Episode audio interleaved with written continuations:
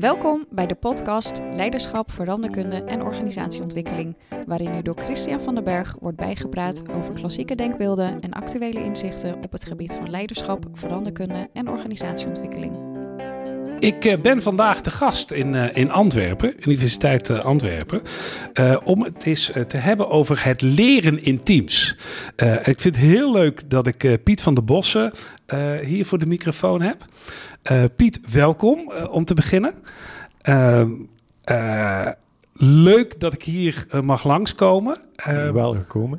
Ja, um, het was een hele zoektocht hier uh, in de stad. Het was flink uh, opengebroken, maar dat hoort ook wel een beetje bij, bij zo'n grote stad als Antwerpen natuurlijk. Even ter introductie voor de luisteraars van jou. Hè. Jij bent professor leren in organisaties bij de Universiteit Antwerpen hier. Maar je hebt ook nog een kleine aanstelling bij de Universiteit Maastricht, waar jij professor teamleren bent beetje op, zijn, op en neer pendelen zo af en toe dus. Ja, af en toe uh, trek ik toch nog graag naar Nederland. ja, um, ja, want dat, dat, uh, uh, jij, hebt daar, jij, jij begeleidt daar nog steeds studenten, vertelde jij hè? Ja, ik heb daar nog steeds een paar projecten lopen. Ik heb er heel lang gewerkt. Ik heb ooit mijn proefschrift geschreven ja. in Maastricht. En de, de stad en de mensen daar blijven met trekken blijkbaar. Ja. En, ook het, en ook het interessante onderzoek dat daar gebeurt. Ja, ja, dat snap ik wel. Ja, gebeuren mooie dingen, inderdaad. Um, even, misschien gewoon om te beginnen met... Uh, kijk, als we het hebben over teamleren... Um, uh, je had mij wat stukken van tevoren gestuurd, die ik met veel interesse heb gelezen. Um, maar één ding uh, vond ik eigenlijk wel een mooie. Je begon in een van die stukken, begon jij met, wat is nou eigenlijk een team? Um, en misschien is dat wel even goed om mee te pakken. Wanneer is, een wanneer is een team een team en niet een groep mensen of, of ja, een deel van een organisatie? Wat, wat, maakt, wat maakt dat? Ja, dat vind ik een goede vraag om mee te beginnen. Um, omdat ik stel die vraag ook vaak als ik in organisaties kom. Hè, want dan zeggen mensen van, ja, maar eh, dit loopt niet zo goed. Onze teams functioneren niet zo goed. Mm -hmm. En dan is mijn eerste vraag die ik stel, ja, maar zijn het wel teams? Mm -hmm. Want je verwacht allerlei gedrag te zien. Je verwacht dat mensen samenwerken, dat mensen samen gaan leren, omdat ze in een team zitten. Ja. Yeah. Uh, en dan moet je ook verwachten van teams. Maar de vraag is, zijn het wel teams? En dan, hè, dan als we kijken naar teams, dan is de eerste belangrijke factor die je moet zien is dat mensen een gemeenschappelijk doel moeten hebben. Mm -hmm. um, en dan geen gelijk doel, maar een gemeenschappelijk doel. En wat daaruit voortkomt is dat mensen, en dat noemen wij dan interdependent zijn. Ja. Van elkaar ja. afhankelijk. Ja. Wat wil zeggen, als, als, als we dat doel willen bereiken, dan kan ik dat niet op mijn eentje. Dan Mhm. hebben we elkaar nodig om dat doel te gaan bereiken. Ja. Uh, en dat is een heel belangrijke factor om teams te gaan beschrijven, is de mate van onderlinge afhankelijkheid van mensen die in die groep zitten. Daarnaast zijn teams natuurlijk iets dat je terugvindt in een organisatiestructuur. Ze zijn door, een management georganiseerd. Uh, ze zijn identificeerbaar als een groep mensen met een gemeenschappelijk doel die afhankelijk zijn van elkaar om dat doel te bereiken. Ik denk als je die ingrediënten hebt, dan kun je van teams gaan praten. En het is belangrijk om dat zo te zien, want vaak kom je in organisaties die zichzelf dan bijvoorbeeld team-based noemen. Mm -hmm. uh, en dan kijk je rond in die organisatie en dan vraag je, ja, wat hebben die mensen met elkaar eigenlijk? Ja. Ja, dat zijn groepen Ja. die samen een dienst runnen. Maar Ja. ieder kan zijn werk doen, dus die zijn niet afhankelijk van elkaar om hun werk te doen. We identificeren wel als een groep. En dat is heel belangrijk, want als die mensen niet afhankelijk zijn van elkaar, zijn bepaalde gedragingen heel moeilijk om te gaan stellen. En dan kom je bij dat, bij dat leren terecht, bijvoorbeeld. Ja. Waarom, waarom zou ik uh, kritisch zijn ten opzichte van jou? Waarom zou ik jou vragen beginnen stellen? Waarom zou ik jou zoeken voor informatie als ik die niet nodig heb, als we die niet samen nodig hebben? Dus, dus bepaalde ja. gedragingen zijn minder te verwachten in een groep dan, dan dat je in een team zou zien. Dus, dus goed beseffen, zijn we wel echt bezig met teams, is wel belangrijk. Nou, ik herken die heel erg hoor, wat, jij zegt. Hè? Ik, ik werk zelf veel voor overheden, uh, lokale overheden ook. En wat je uh, uh, op het moment dat ik in, uh, zeg maar, meer in organisaties kom die wat meer een eenduidig doel hebben, hè? dus de, ziekenhuis of politie of, of woningcorporaties, dan heb ik het vaak veel makkelijker dan wanneer ik in gemeenten moet werken. Omdat in gemeenten die teams soms inderdaad een soort van ja, samenraapsel zijn, dan hebben ze wel iets met bijvoorbeeld over de, hè, dan gaan ze over de buitenruimte of over het sociaal domein of zo. Maar dan gaat het inderdaad lastig. Van, joh, als je elkaar niet echt nodig hebt, zitten er soms één pitters of twee pitters die dan één taakje doen. Ja, die hebben ze dan wel bij een team geschoven, want dat voelt dan fijn of zo, hè? Terwijl ze inderdaad niet um, uh, echt afhankelijk zijn van anderen in dat team of zelf ook zelfstandig kunnen werken. Ja, en dan, dan is wel de vraag, wat, wat, wat bindt jullie buiten dat je samen gebak krijgt als, als, als iemand jarig ook heel, is? Ook heel belangrijk. Zeker, zeker. Maar, dit, maar dit is wel, want het management gaat dan bijvoorbeeld wel allerlei verwachtingen hebben. Om, Ja. Omdat ze dat een team genoemd hebben. Terwijl er eigenlijk weinig aanleiding en drive is bij die mensen. Omdat de condities er niet zijn. En natuurlijk, het zou natuurlijk kunnen dat je als, eh, als management wel denkt, die hebben wel een gemeenschappelijk doel, maar ze zien het niet van elkaar. Nou Ja, dan moet je gaan werken aan duidelijk maken van dat gemeenschappelijk doel. Nou, en dan zitten we eigenlijk al bijna in dat proces van teamleren. Ja. Bijvoorbeeld het, het helderder krijgen van, nou, waarom hebben we elkaar nodig?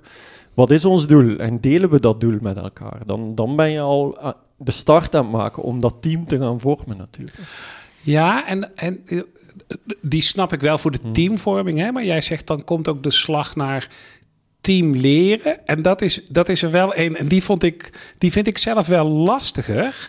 Ehm, kijk, wa- leren, dat, dat doen jij en ik elke dag. In ieder geval, dat hoop ik dan maar. Maar dat doen mensen natuurlijk eh, eh, veel en uitgebreid. Eh, wat maakt leren als team nou eh, zo, zo bijzonder dat, je, dat jij daar al, al meer dan tien jaar zeg maar, onderzoek naar kunt doen? Wat maakt dat nou speciaal? En nou ja, zijn er ook condities voor die nodig zijn en zo? Dat komt misschien allemaal later, maar ik ben eerst benieuwd van joh, wa- wat is er bijzonder aan het leren als team? Dan is het misschien interessant om hoe ik er ooit ingerold ben. Nou, ja, kom maar. Nou, ik ben nou, eigenlijk vanuit de situatie die, je- die een soort de, de, de, ultieme teamsituatie. nou, Mhm. en de reden waarom je mensen samenbrengt in een team is net wat ik zei, die onderlinge afhankelijkheid. Je brengt mensen samen omdat je denkt dat de taak die voor ligt Ja, de expertise, de kennis en de kunde van verschillende mensen nodig heeft. En eigenlijk nog optimaler in een situatie dat die mensen verschillende expertises hebben die we nodig hebben om het probleem dat voor ligt te begrijpen. ja, Dat is zo complex, zo moeilijk dat we niet alleen met één blik genoeg hebben, maar we hebben ook andere blikken nodig ja. om dat goed te begrijpen. Mhm. Nou, maar de uitdaging daar is, en dat zien we voortdurend, is dat ehm, het is niet omdat die mensen rond tafel zitten dat ze in staat zijn om een soort om die verschillende perspectieven bij elkaar te brengen en die te gaan gebruiken om dat probleem aan te pakken. Nou, en eigenlijk zijn we dat proces gaan beschrijven als een leerproces. Nou, als Mhm. het ware, als we praten over individuen en leren, dan zeggen we iets, nou, die ontwikkelen cognities, kennis en kunde. Nou, eigenlijk trekken we dat op teamniveau en stellen we de vraag, zijn we in staat om de kennis en de kunde die rond tafel zit, om die te gaan delen, zodanig dat we dat probleem met die verschillende puzzelstukjes goed in kaart kunnen brengen. En dat blijkt voor teams een veel grotere uitdaging te zijn dan dat je zou vermoeden. En Uh, waar zit dat in dan? nou, het, eerste probleem is al als, als jij hebt al jouw ervaring, jouw Ja. expertise, ik heb de mijne. Ja. Nou, ik kan hier nu van alles zitten vertellen en jij kan zitten knikken en denken, ah, interessant. ja, maar eigenlijk snap ik niet zo goed wat hij zegt. En dus het is niet omdat we dan informatie aan het delen zijn, wat je vaak ziet in teams. Iedereen vertelt dan waarom hij denkt, wat, wat hij of zij weet waarom dat belangrijk is Ja. dat, dat dat gedeeld wordt en dat we dat opnemen in onze gezamenlijke manier om dat probleem op te lossen. En is eigenlijk de vraag, welke soort processen, vaak zijn dat interacties tussen mensen, moeten we nu gaan zien, zodanig dat zij wat wij gedeelde cognitie gaan noemen. Dat ze een soort gedeeld kader ontwikkelen waaraan ze, waarmee ze een probleem kunnen gaan aanpakken of een taak kunnen gaan aanpakken. Dus, en dat gedeeld kader, waarin dus puzzelstukjes zitten van ieder die rond de tafel zit, Ja. dat gedeeld kader bouwen is moeilijk. En dat moet gebeuren en dat is een leerproces. Maar tegelijkertijd weten we, als een team daar goed in is, als erin slaagt om als het ware de nodige expertise samen te bundelen, ja. dat zijn teams die altijd, die, die gaan de andere teams altijd outperformen. Dat zien we voortdurend. Maar en als jij dat zo vertelt, dan, dan, dan resoneert dat gelijk Hmm. bij mij wel. Dit, dit klinkt heel logisch dat als jij kennis hebt van een deel en ik en misschien uh, nog een derde of vierde of de vijfde collega, we brengen allemaal iets in en dan samen wordt een beetje uh, uh, de som der, wat is dat? Som der ja, delen is meer dan... ja, dan, het geheel is meer dan de som der Dankjewel, die zocht ik inderdaad. Dat, beg dat, dat begrijp ik wel, terwijl aan de andere kant um, ik ook wel aanvoel. Op moment, ik heb het zelf ook wel eens als ik met uh, collega's van het bureau waar ik werk, hè, dan hebben we samen een groot vraagstuk beet of zo.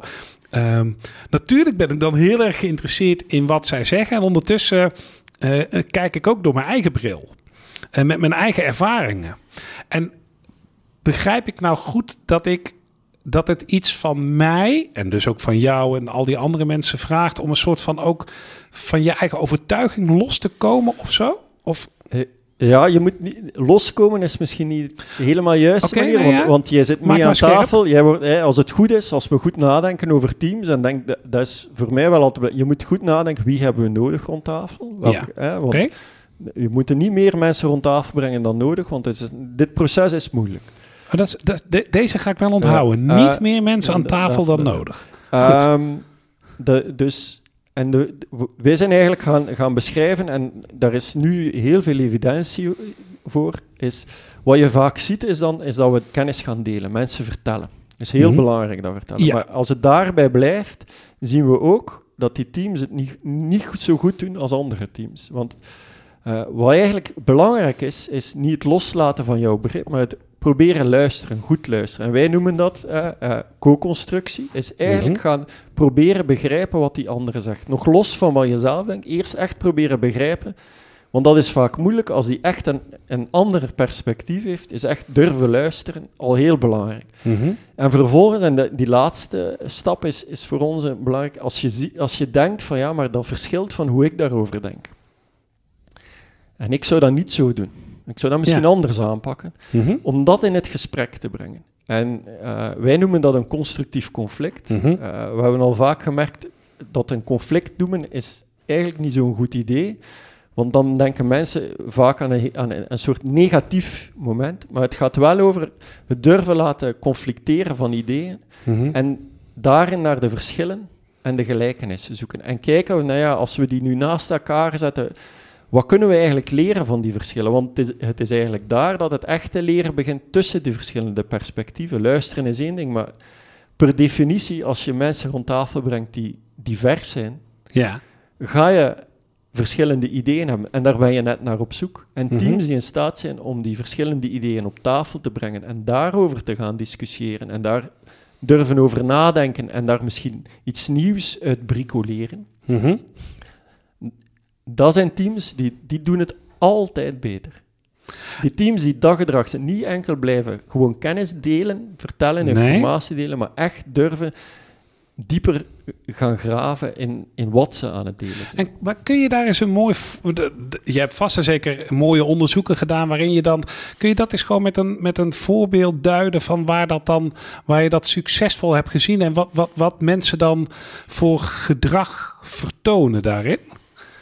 Um, het, het, gedrag is heel divers, maar okay. is misschien, oh, uh, nou ja. ja. in hoe het zich toont, hè, maar, maar het is ja, misschien ja. mooi om te zien. Ik bedoel, uh, um, het, het gaat al over het, in, in teams bijvoorbeeld, die, die samen aan een project bezig zijn, is, in, is het durven uh, stellen van, um, ik begrijp je niet.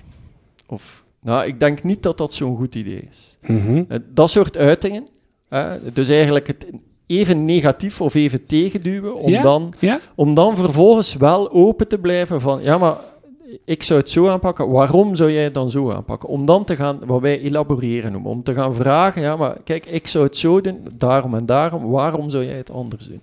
Dus echt, echt het gesprek aan te gaan. Dus eigenlijk gewoon met een gesprek. Maar het, het mooie is, we zien dat in Hè, waar je dat zou verwachten, innovatieteams, projectteams. Ja, ja. Maar, we, maar, we, zien dat, dat, ook bijvoorbeeld in teams die onder heel grote druk staan. Um, we hebben onderzoek gedaan in, in, in teams die crisissen beheren, mm -hmm. control teams, heel actiegericht, 15 minuten om Boom. begrip te krijgen van de situatie en vervolgens daarop uit te gaan. Die motorkap overleggen heb je het over. Ja, ja, ja. De, ja. zelfs in zo'n teams zie je dat teams die in staat zijn om dat even dat conflict aan te gaan. Om te durven zeggen, nee, ik denk dat we het anders... Is het wel zo? Zou het niet kunnen dat? Hè? De, maar die teams doen het beter op voorwaarde, en dat Ja? zagen we in die teams heel goed, dat ze daar een conclusie aan konden ondervinden. Dus ze gaan even tegen elkaar duwen, Ja. hè, van ja, maar zien we het niet anders? Maar vervolgens waren ze wel in staat, ja, maar wat betekent dat nu, dat wij van mening verschillen? Wat gaan we daarmee doen? Als ze daar een soort conclusie konden aan dan waren, dan waren de teams die, Die, die het altijd beter deden dan die, andere, dan die teams die daar niet toe in staat waren. en wat is dan beter doen? Dat, beter, eh, bijvoorbeeld in dat soort teams Ja? zijn, zijn dat echt, dan, dan kijken we naar, eh zit er beoordelen, hè, dat wij doen dat soort type onderzoeken, dat motorkapoverleg doen we in simulaties. Ah ja, die, ja. die teams trainen heel vaak, nou, dan hebben we observatoren die gaan kijken van ja, hoe goed doen die teams dat. Ehm, want dat is natuurlijk wel een moeilijke, hè, ook bij, als je naar innovatie, projectteams kijkt, is ook vaak de vraag, nou, hoe ga je dat Mhm. hoe ga je dat nu gaan beoordelen? Maar dan proberen we daar bijvoorbeeld vanuit het management beoordelingen over te krijgen. Dus we proberen een beetje zicht te krijgen over wat is nu goed en beter. En dan zie je wel dat die teams het beter doen. Ook als je het aan die teams zelf gaat vragen. Mhm. Op het einde van de rit hebben zij dat gevoel. Ehm, maar de uitdaging is, is, is denk ik, en daar kom jij waarschijnlijk, je volgende vraag is de vraag van, eh, van eh, het lijkt zo simpel, waarom doen we het zo weinig? Nou, want, dat, want dat is tegelijkertijd de vaststelling dat ik zie als, als ik ja. groepen begeleid en gewoon observeer. Ja. Het gebeurt heel weinig. Nou, wa- wa- waar ik, waar ik gelijk. Ik, er springen twee dingen in mijn hoofd die ik alle twee heel interessant vind. Ten eerste zit ik te kijken naar hoe ik zelf met collega's soms in zo'n team zit. Hè? Want wij hebben natuurlijk ook allemaal. Wij, doen allemaal. eh, ehm, eh, zeg maar dat organisatieadvies en dat veranderwerk en zo. Maar we hebben allemaal een andere achtergrond.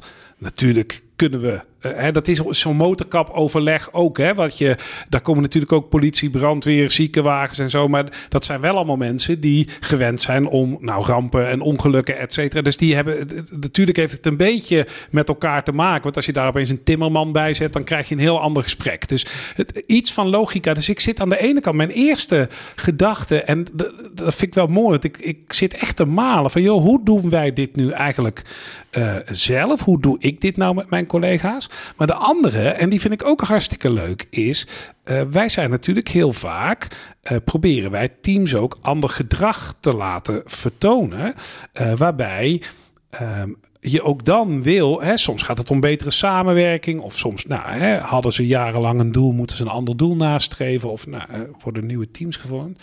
Dan zit ik zit ook te denken, stel nou ehm, eh, dat ik word gevraagd om, om dat ook, om dat onders- onderdeel van, van dat teamwerk ook te verbeteren.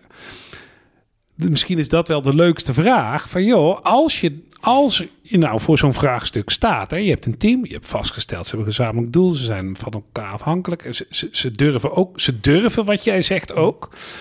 Ehm, hoe kun je mensen dan helpen om dit goed te doen?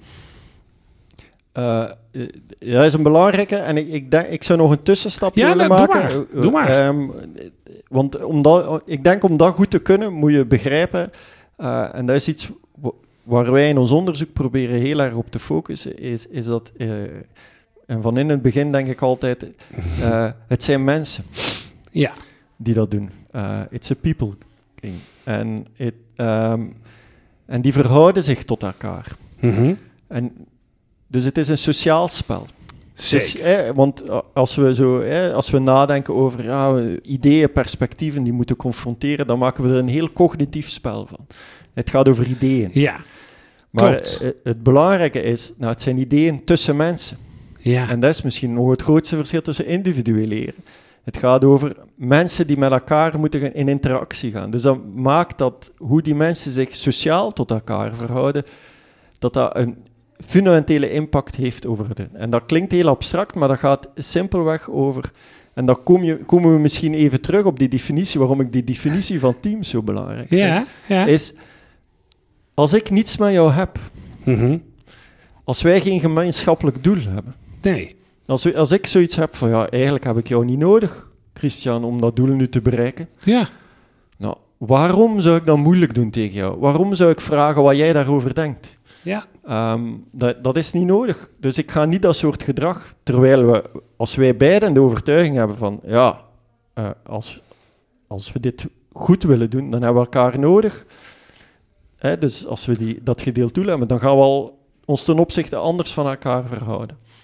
Ehm, en als we dat doel heel belangrijk vinden om te bereiken, dan gaan we misschien ook durven kritischer zijn ten opzichte van elkaar. Want als jij dan een, een idee hebt en ik denk van, ah, dat gaat niet lukken, dat, is- dat is misschien niet de beste weg, nou, dan ga ik dat zeggen. Ja, Omdat ik dat doel belangrijk vind. juist. Uh, Ja. ehm, want dat is vaak wat we op een bepaald moment gezien hebben. Hè. De- de- want dat zegt iets over waarom mensen samenkomen. Cohesie noemen wij dat.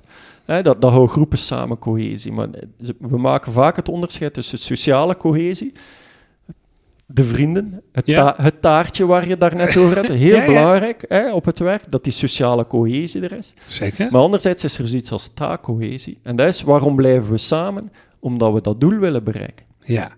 En die twee zijn natuurlijk hangen samen, maar als het gaat over kritisch durven zijn ten opzichte van elkaar, elkaar kritisch bevragen, is taakcohesie natuurlijk veel belangrijk.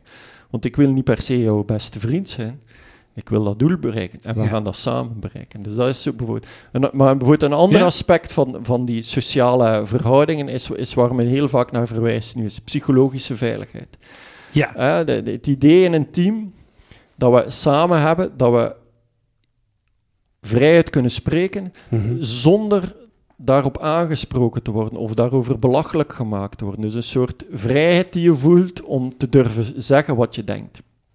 Ja, eh, en dat is natuurlijk iets heel sociaal, eh, hoe we ons tot elkaar verhouden. Dat ontstaat, Ja. doorheen die samenwerking ontstaat dat, want dat is Mhm. natuurlijk het moeilijke. ja. Dat is niets waar je je vinger kan opleggen, maar dat is een gevoel dat mensen delen.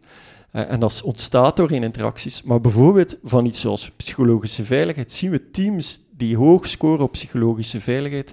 Daarin zie je al die leerprocessen bijna automatisch gebeuren. ja. De, de, dus ga nadenken over, hè, als je denkt over interveneren, Ja, ondersteunen, moeten we eigenlijk de hele tijd over nadenken. We willen niet alleen die, die typische gedragingen zien, maar we moeten er ons bewust van zijn dat we moeten bouwen aan als het ware de cultuur, het gezamenlijk gevoel waarop dat gebouwd wordt. hè, waarop dat soort gedragingen eigenlijk bijna automatisch zullen gebeuren, omdat we de condities zo gecreëerd hebben dat ze gaan. Maar wat, wat mij daar wel in bezighoudt, is dat jij, je bes, eh, jij beschreef daar net in het begin van wat nodig is om samen te leren, is als jij iets inbrengt, dan moet ik het lef hebben om daar tegen in te gaan. Hè? Om dat, nou, of hè, kritisch te bevragen, ehm, eh, te zeggen van joh, maar ik zie dat op deze manier anders. Ik vond die conclusie trekken wel een hele mooie overigens. Ehm, aan de andere kant kan ik me voorstellen dat dat een heel dun lijntje is met die psychologische veiligheid. Want als wij natuurlijk elke keer dat ik iets inbreng en jij daar een soort moment van. eh, met alle goede bedoelingen gaan we nu even vanuit. Hè? Dus, dus jij probeert eigenlijk samen met mij een doel te bereiken. Maar wij zitten constant. ehm, nou ja, ook dat conflict. Ik snap wat, je, Ja. wat dat doet, hè? Maar, maar, maar constant die, die, die, die spanning op te zoeken. Dat kan best eh, conflicteren, zeg ik dan maar, om het ingewikkeld te maken, met psychologische veiligheid. Ja, de, ja, een heel goeie, want eh, het is natuurlijk, en dat is vaak al, hè, er is een hele lijn van onderzoek die, hè, die taakconflict genoemd heeft, heel Mhm. gelijkaardig aan wat wij constructief conflict noemen. Mhm. Eh, en anderzijds is er zoiets in teams als wat ze relationeel conflict noemen. Het moment waarop spanning niet meer gaat over de taak, hè, waar, Mhm. waar we eigenlijk naar op zoek gaan, durven elkaar uitdagen over de taak, maar waarover het persoonlijk wordt. Van, ik vind jou niet meer leuk, ik Nee. vind jou moeilijk. Eh, Ja. Waarom altijd die vragen? Ja, vind je me niet leuk misschien? Dus op dat moment wordt het relationeel. Ja. En daarvan weten we ook, als een team daarin belandt, nou, ja, dan, eh, dan gaat het heel slecht. Hè? Maar, en je ziet in teams, in heel wat, heel wat onderzoek, zie je eigenlijk een relatie ontstaan, een correlatie tussen wat jij net noemt, hoge taakconflicten en hoge relationele conflicten. Dus, Mhm. en dat lijkt dus zo te zijn, inderdaad, dat je iets krijgt waarin die taakconflicten gaan overgaan in een relationeel conflict. Net het proces wat jij beschrijft. Mhm. In welke teams gebeurt dat nu veel minder? Nou, in de teams waar psychologische veiligheid hoog is. Dus ja, de, als we erin slagen om blijven te zien dat elkaar aanspreken iets is wat gewoon is en dat ik op dat moment niet jouw persoon bedoel, maar wel de taakgerichtheid blijf houden, Op dat moment gaan we, eh, krijgen we dat te pakken waar we naar op zoek zijn. En is het gevaar dat het relationeel wordt niet. Dus, en dat, dat is het moeilijke om te zien. En dat is mooi, eh, psychologische veiligheid. Eh. Amy Edmondson, die dat begrip heel Ja. erg... eh, Ja? he- heeft daar heel erg op geduid, is dat psychologische veiligheid mag accountability niet in de weg staan. Dat is iets anders dan account. ac- eh, Dus, Ja, ja. dus ja. het gaat over vertrouwen in elkaar en dat vertrouwen is niet hetzelfde dan vriend, altijd vriendelijk zijn ten opzichte van elkaar. We kunnen heel hard zijn ten opzichte van elkaar, maar daaruit telkens begrijpen dat we het over de taak hebben. Dus psychologische veiligheid bouwen in een team moet daarover gaan. En daar zien we bijvoorbeeld dat, dat rolmodellen zoals leiders Mhm. binnen teams daar, daar heel goed de, de teneur kunnen zetten. Om inderdaad het verschil te laten zien tussen kritisch zijn, kwetsbaar zijn ten opzichte van de taak, Ja? maar dan niet zien als persoonlijke aanvallen. En dat is een, dat is een dunne lijn die teams moeten bewandelen. Eh, en als je daarin succesvol bent, dan denk ik, kun je heel ver komen. Ja, en ehm, terwijl je dan beschrijft dat het zo'n dunne lijn is, is natuurlijk ook wel van. eh, ehm, eh, zijn er nou dingen waarvan jij hebt gezien dat ze bewezen helpen om inderdaad stevig elkaar te kunnen blijven bevragen op die taak? Terwijl je dus wel eh, het. Ja, wat, hoe noemde jij het nou? Persoonlijke. eh, Relationele ja, het relationele eh, deel goed houdt. Wat, wat, wat heb je daarvoor nodig om dat goed te doen? Nou, ik, ik heb dan net even verwezen naar die, naar die leider eh, Ja. in teams. Nee? Eh, en dat, de- dat kunnen verschillen. hè. Dat hoeft daarom niet de formele leider te zijn. Hè. Dat kunnen ook andere Zeker, mensen in het team zijn die, die, dat, die dat leiderschap opnemen. De- die toont daar eh, een belangrijke rol te hebben. En vaak als rolmodel is het, is het tonen zich kwetsbaar te- op te stellen. Ja. ik, geef, ik heb net daarover nog les gegeven bij mijn studenten. En ik begin altijd met een casus ehm, over de implementatie eh, van een nieuwe manier van eh, hartchirurgie. En ik laat die studenten, ik beschrijf die casus en sommige teams zijn daar veel beter in dan andere teams in de nieuwe implementatie daarvan. Ja, en dan, dan gaat het natuurlijk altijd over, ja, maar dan zijn betere artsen, Ja. eh, beter materiaal, die ziekenhuizen meer geld. Dat zijn de oplossingen waar mijn studenten mee komen. Het is mooi, Amy Edmonds en haar collega's hebben daar onderzoek naar gedaan. En wat is de cruciale factor geweest waarom sommige teams in die implementatie beter zijn dan andere, is de, de chirurg, die de natuurlijke leider is ja, in dat ja, soort ja, teams, Zeker. heeft voortdurend heel expliciete uitingen gedaan doorheen dat traject en heeft gegeven, tegen de collega's gezegd die hij verzameld heeft rondom eh, om die operaties uit te voeren, heeft elke keer duidelijk gemaakt en gezegd, ik weet ook niet zo goed hoe die nieuwe techniek werkt en hoe we dat op de meest optimale manier gaan doen. Dus op dat moment gaat hij eigenlijk die kwetsbaarheid Kwetsbaar, tonen ja. en gaat hij eigenlijk zeggen, we hebben, en dan kom je op, op wat teams zijn, is, is één, hij opent ruimte, hij Ja. stelt zich kwetsbaar op en hij, hij toont daarmee te zeggen van, weet je, toegeven dat je het niet weet en dat je anderen nodig hebt, dat is hoe we Ja. hier werken, psychologische veiligheid. We hebben elkaar nodig, interdependentie. Proberen dat doel neer te zetten. Hè. Daar gaat het over. Ehm, dus je bent op dat moment, als het ware, is die leider de sociale setting aan het maken, de sociale relaties aan het bouwen, die maken dat dat gedrag waarin mensen gaan Ja. bijdragen aan dat leerproces, dat dat mogelijk is. Dus dat is een manier. Ik denk een andere manier dat we heel vaak zien, is, is proberen ruimte te maken voor nadenken, voor leren. Want dat, dat is denk ik een, een andere valkuil die teams hebben, Mhm. is dat we allemaal heel druk zijn. Ja. En we, krijgen allemaal opdrachten en we willen ook heel graag die opdrachten. Dus we gaan, gewoon, we gaan gewoon als een trein. Ja. Uh, en we hebben een doel en die trein staat op de sporen en, we gaan, en we, er wordt heel weinig tijd genomen om te, even te stoppen en na te denken van uh, wat gaat goed, wat gaat fout, is dit nog het juiste doel? Ja.